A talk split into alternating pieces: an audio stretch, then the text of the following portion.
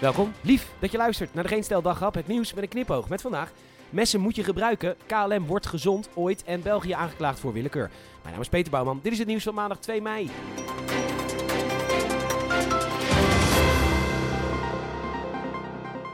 Het is al jarenlang de meest populaire cadeautip onder jongeren. Een mes. Gewoon zo'n echt mooi, vlijmscherp mes. Ja, jongeren hebben een hobby, lekker prikken en dan komen de jongens in het gevang. En wat blijkt nou? Daar prikken ze gewoon door en die gevangenissen hebben al die tijd verbijsterd zijn kijken.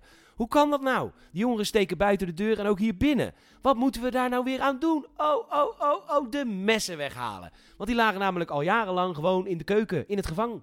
Dat heeft volgens de NOS heel wat incidenten gekost voordat ze daarachter kwamen van hé, hey, hmm, oorzaak, gevolg. En nu kopen ze dan eindelijk van tevoren gesneden groenten in zodat de messen uit de keukens kunnen. Slim gedaan. Ik heb het gevoel dat ik mijn excuses moet aanbieden richting de KLM. Ik heb me de afgelopen dagen nogal laten meeslepen. Maar dat de KLM zijn bagageafhandelend personeel zo weinig betaalt dat droog brood als delicatesse wordt gezien, dat had allemaal een doel. Want bagageafhandelaars, jullie lijden stuwt KLM in de zwarte cijfers nog dit jaar. Er was vandaag een aandeelhoudersvergadering en bronnen melden aan de Telegraaf dat die 1 miljard lening aan de staat wordt terugbetaald en de 1,8 miljard aan belastingen ook. Allemaal dit jaar en dan is de KLM weer gezond. Rustiger vaarwater. Alles klaar als in juni NS-topvrouw Marjan Rintel het stokje overneemt van Pieter Elbers. Gewoon relax en je weet met een NS-topvrouw hoeft ook niet meer op tijd gevlogen te worden en zo heerlijk. Ondertussen gaan de luchtvaartmaatschappijen hun schade van geannuleerde vluchten afgelopen weekend verhalen op Schiphol. En roept EU-claim op om de komende zomer niet vanaf Schiphol te vliegen. Maar goed, dat is altijd de beste oplossing.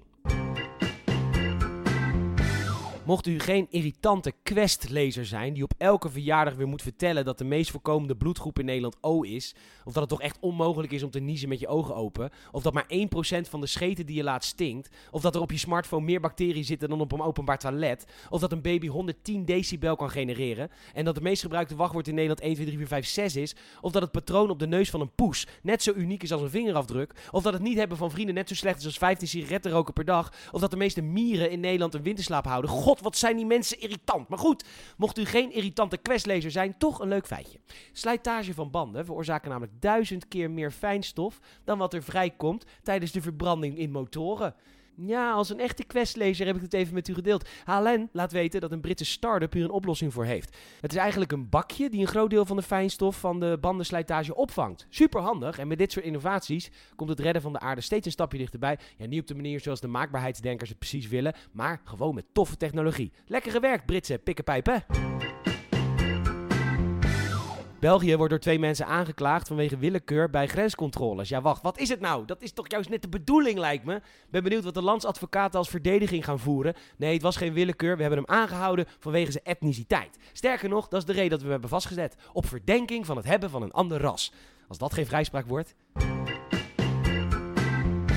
Bedankt voor het luisteren. Je kan ons helpen. Vertel even een vriendje over deze podcast. Je kan een Apple Podcast review achterlaten. Vijf sterren alsjeblieft. En doe dat ook even via Spotify. Komen we hoger in al die lijstjes. Nogmaals, bedankt voor het luisteren en tot morgen.